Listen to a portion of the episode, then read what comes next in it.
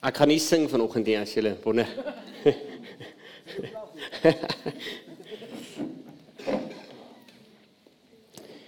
Vriende, kom ons word stil vir 'n oomblik en dan en dan bid ons net saam. Driemaal heilige God, Here, ons is vanmôre hier by mekaar as u kerk. En Here, as ons kyk na die berge en ons kyk na dinge rondom ons wat gevare is, maar ons dan weet ons Here dat ons altyd ons oë op U gefestig kan hou. Dan weet ons ons krag en ons hoop en ons vrede en ons liefde is alles uit U hand. Here, dankie vir die geleentheid wat U gee om weer vanoggend U woord te kan saam lees. Om deur U woord bedien te word, Here gee dat ons harte ontvanklik sal wees, Here, dat ons ore sal oop wees, dat ons hande en ons voete en ons gereed sal wees om te doen wat U vra, te gaan waar U ons stuur. Dit alles bid ons in U naam alleen. In die naam van ons Here Jesus Christus. Amen. Vriende, ons kyk vanmôre na na 'n tema rondom liefde en die grootste liefde en hoe groot liefde kan wees. En daarvoor gaan ons bietjie kyk na Johannes 15. So as jy die Bybel saamgebring kan jy daar oopmaak anders kan jy saam volg. Ek lees vir ons uit die nuwe lewende vertaling wat ek net iewers hier gelos het. Daar's hy.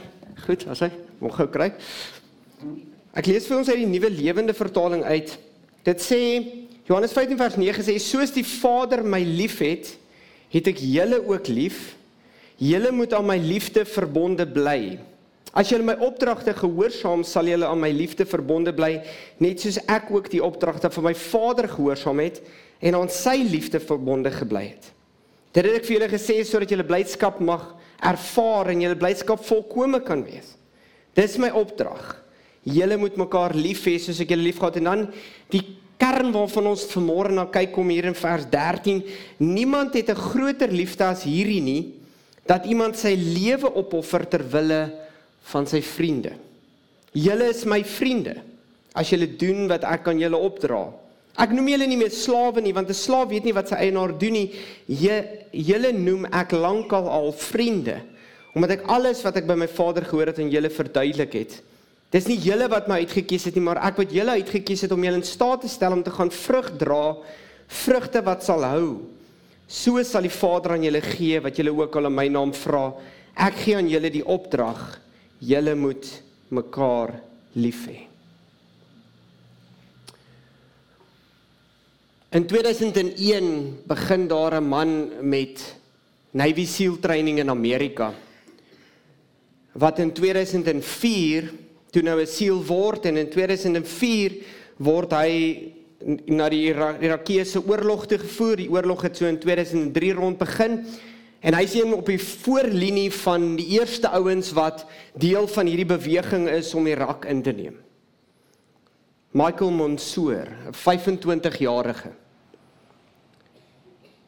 In September maand van 2006 is hy deel van 'n klein eenheid van 3 of 4 ouens wat twee snipers insluit en hy self en sy opdrag is, sy taak is terwyl hulle skiet, terwyl hulle nou aanval, moet hy die snipers veilig hou.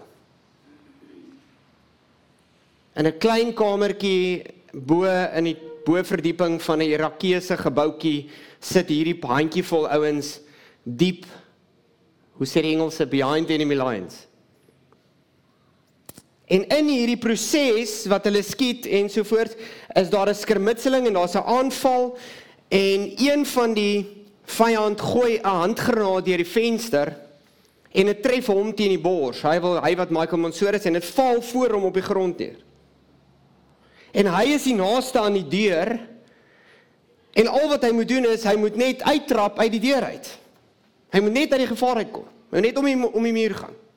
Dan sal hy dit jou moontlik maak. Sy vriende wat 3 of 4 meter van hom af, 2 meter van hom af is, staan aan die ander kant op hulle sniper rifles by die venster uit of ten minste daai kant toe. Hy weet vir 'n feit hulle gaan dit nie oorleef nie. Daar's nie 'n manier nie. Hulle sal nêrens kan gaan nie. En in 'n split sekonde besluit 'n 25-jarige al wat hy nou kan doen is hy se kan sy vriende red. En hy spring met sy hele liggaam op die granaat. En die granaat ontplof en hy is binne 30 minute daarna sy dood verklaar. Sy vriende het ook seer gekry, maar hulle het oorleef.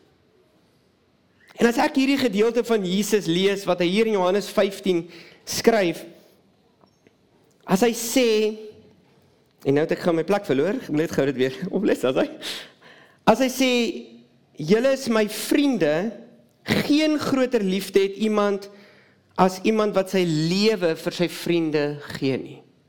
As ek dit lees dan dink ek onmiddellik aan hierdie storie van hierdie jong soldaat wat sterf in Irak. En dan as ons hierdie gedeelte lees, dan is die vraag, maar hoe lyk dit? Ek sê maar as ek 'n gedeelte lees, dan wil ek altyd weet, maar hoe sal dit op my van toepassing kan wees? Hoe sal ek dit in my lewe kan toepas? Want ek kan nou verkeerd wees, maar ek dink ek is relatief reg. Statisties gesproke gaan die meeste van ons wat hier sit heel moontlik nie sterf deur ons lewe vir ons vriende af te lê nie. Die probability is baie klein.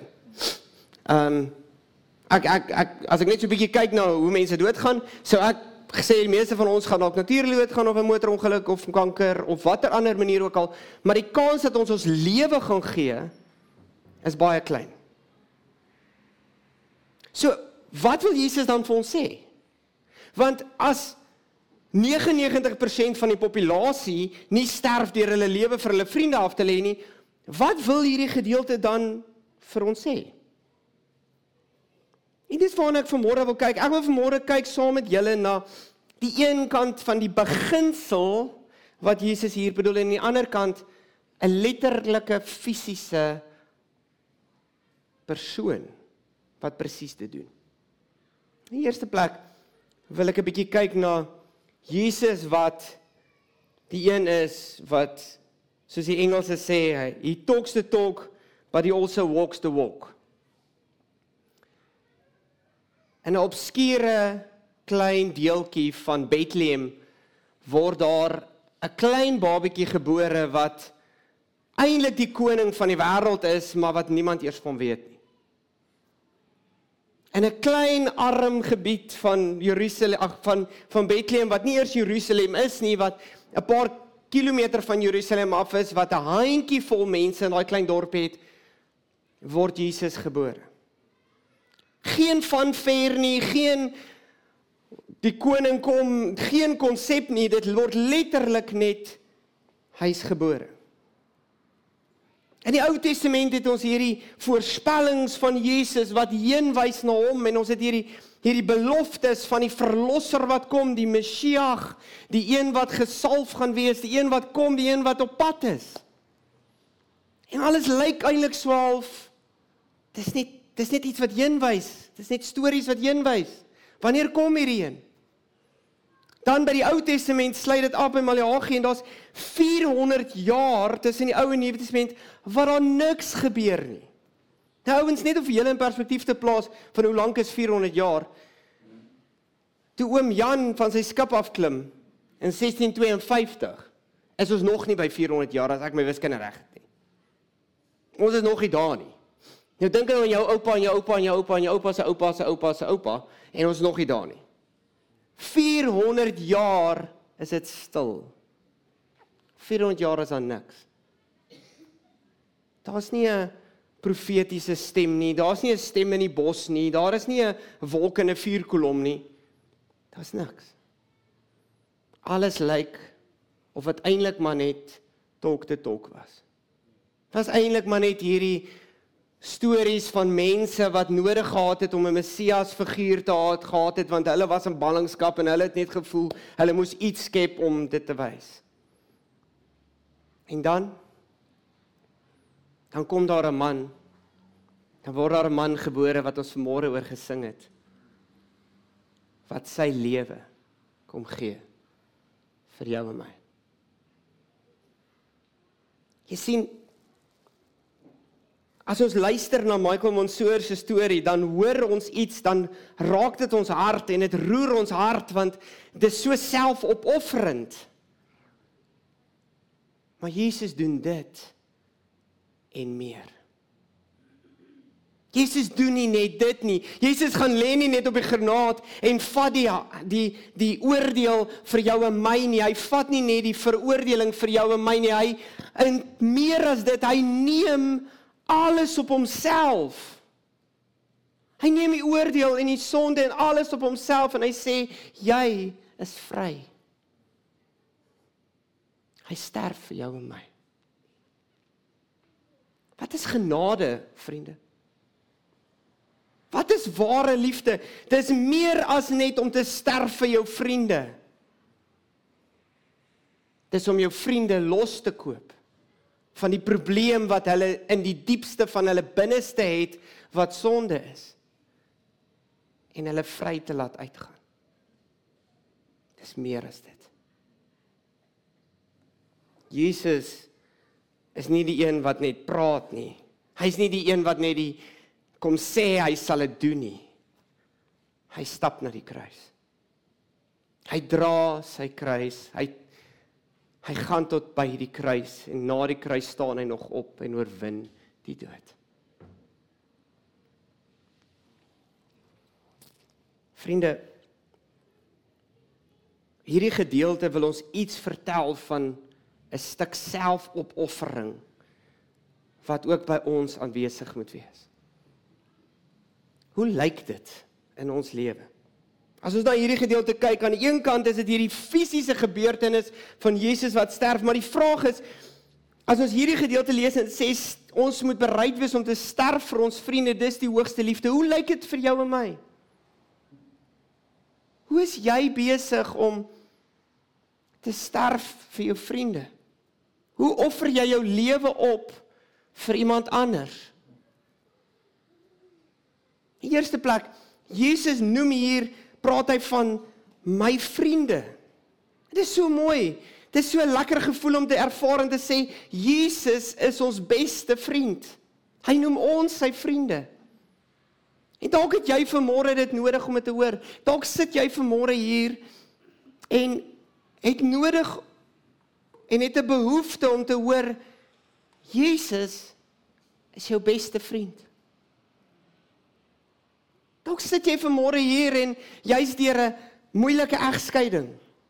Dalk sit jy vanmôre hier en jy worstel met hoe om finansiëel deur hierdie maand te kom, as die einde van die maand ons het skaars salaris gekry. Dalk sit jy vanmôre hier en jy worstel met werk en jy worstel met met allerlei dinge in jou lewe. Dalk het jy vanmôre nodig om te hoor Jesus is daar. Hy's jou beste vriend. Het jy nodig om vanmôre te hoor hy het nie weggestap van jou af nie. Hy hoor jou. Hy sien jou. Ja, miskien gaan dit nie in 'n oomblik en in 'n oomblik al jou probleme oplos nie. Dalk gaan jy nie uitstap en ewe skielik 'n multimiljonêr wees nie. Dalk gaan jy nie uitstap en en hulle die Ferrari vir jou voortrek en jy net wegry met jou Ferrari nie. Maar weet jy wat? In lewe en dood gaan jy iemand by jou hê wat altyd by jou gaan wees. In moeilike en maklike tye gaan jy iemand hê wat jou hand gaan vat en saam met jou die pad gaan stap. In moeilike en maklike tye gaan jy iemand hê wat jou hart ken en jou hart hoor. Wat jou deur en deur ken. Ja, ek weet ons is groot en sterk manne en ons is macho en ons en ons Ek weet, dis hoe manne moet wees ook. Ons moet so 'n bietjie ego hê. Dis deel van man wees. Maar weet jy wat? Jesus kom dieper as dit.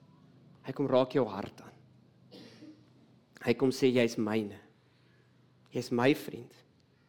Jy's my vriendin. So miskien het ons nodig om vanmôre net hierdie gedeelte te hoor as Jesus sê, "Ek julle is nie my slawe nie. Julle is my vriende." Ek sien altyd uit na daai tyd wat ons hemel toe gaan en daar aan die tafel gaan aansit.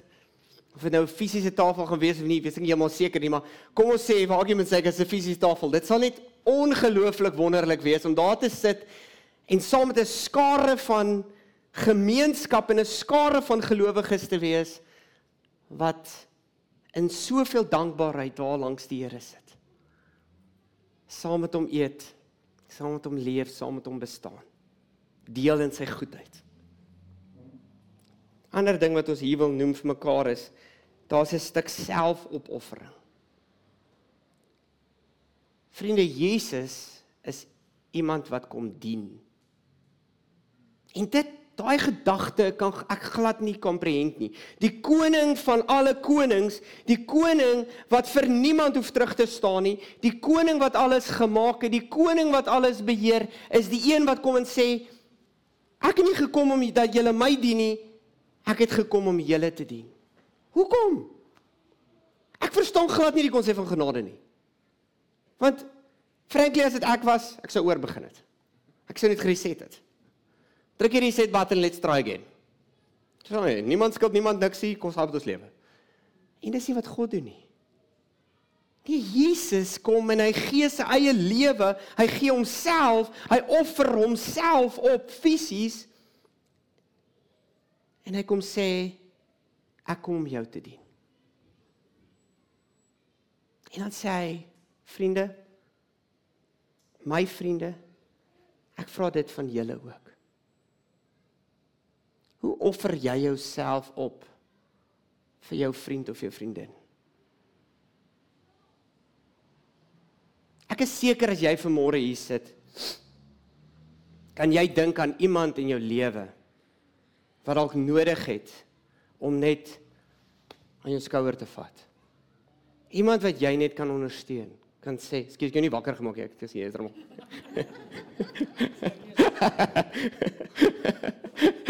Dit sou ek so tik al. Nee. Ou iemand wat regtig vir jou omgee, maar ook iemand waarvoor jy kan omgee. Ek is seker jy weet van iemand. En dit hoef nie ver te wees nie. Jy hoef nou nie Irak of Iran of iewers heen te gaan. Jy kan as jy wil en as jy geroep is om te gaan met groot vreugde. Maar dit begin baie keer sommer in jou huis. Sommer in jou gesin. Dit begin sommer by die koffiestasie by die werk, voor jy begin werk die sonoggend. Ag, die sonoggend. Die man dan sê maandagooggend.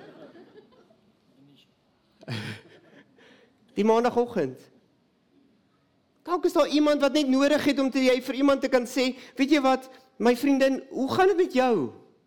Is jy nog oukei, okay, koop jy? Jy's nou nie by die werk koop jy? Of jy's nou nie by hierdie skool en ek weet dit is 'n bietjie vreemd of jy het nie in die gebied ingetrek sonder om vir iemand te sê, "Ooh, jy's nou weer 'n buiteling wat inkom." Sit liewer by iemand en sê, "Kom ek hoor jou hart." Kom ek hoor jou hart. Kom ek vertel jou van iemand wat vir my en vir jou gesterf het. Kom ek vertel jou vir iemand waarop ek my vertroue sit. Kom ek hoor jou hart. Hoe kan ek jou help? Finansieel, emosioneel, geestelik, hoe kan ek jou help? Hoe kan ek daar wees vir jou? Hoe kan ek jou dien? Soos wat Jesus ook my gedien het. Of daar ten minste diensbaar vir ons was. Dit is 'n manier hoe ons onsself opoffer. Want miskien is dit in die klein goedjies.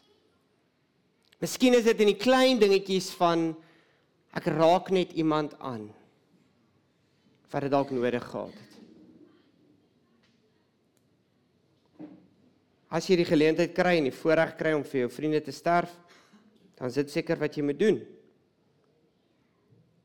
Maar veel meer moet jy die mense waartoe jy gestuur is, wat jy elke dag mee te doen het, aanraak. Moenie vra wie is my naaste nie. Die Fariseërs doen dit ook. Vra liewer vir wie kan ek 'n naaste wees? Wie kan ek vandag aanraak? En wie se lewe kan ek 'n verskil maak? Nie om dit te pleister op jou Facebook-blad nie. Ooh, hier nou, ons het hom nou 'n bietjie iets gegee so. Nie om dit te pleister en te verkondig nie. Maar omdat jy regtig daar wil wees in die diepte van jou wese daar wil wees. Ek sluit af. Vriende, groot groter liefste. Die diepste liefde daarvan is wat Jesus vir ons kom doen het.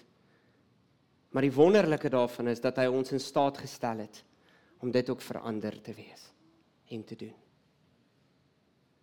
Ek wil 2 minute gee voor ons afsluit. Wil ek 2 minute gee en ek wil hê ons moet net stil sit vir 'n oomblik. Nee, kan jy oop toe maak as jy wil. En vir 'n oomblik dink. In die eerste plek, wat het Jesus vir jou gedoen? Maar ook om te dink Wie is die persoon wat die Here op jou hart druk op hierdie oomblik om dalk hierdie week aan te raak met jou liefde en nie jou liefde te weerhou nie, maar dit te deel met een persoon. Kom ons gee 'n oomblik in gebed tot die Here.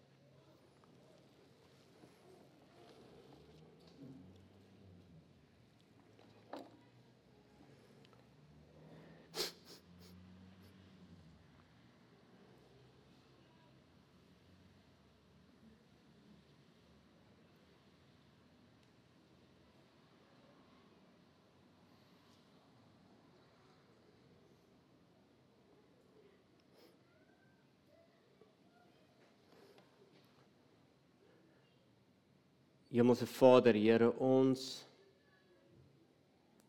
kan nie vir U genoeg dankie sê vir dit wat U vir ons kom doen het nie. Dankie Here dat U nie net praat was en maar dat U werklik U self kom gee het. sodat ons ook in staat kan wees om verander te gee om ander te kan dien.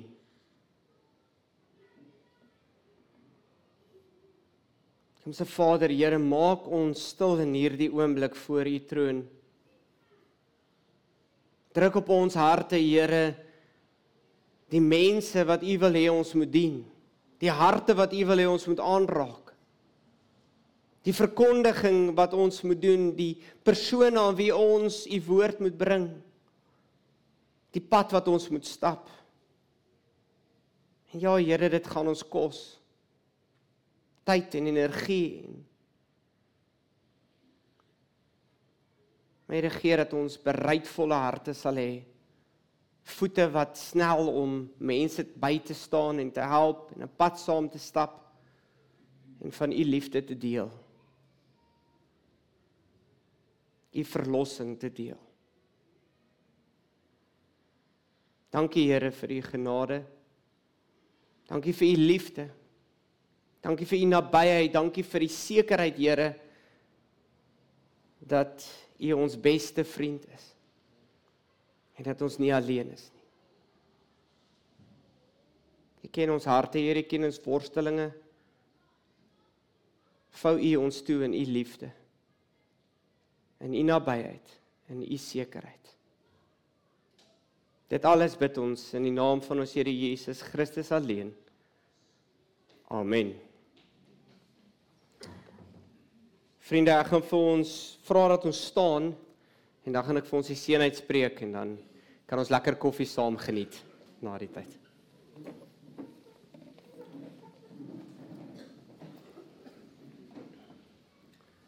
Mag die genade van die Here Jesus Christus, die liefde van God ons Vader en die gemeenskap met sy Heilige Gees. Sy liefde, sy vrede as vriende met julle elke dag wees en bly. Amen.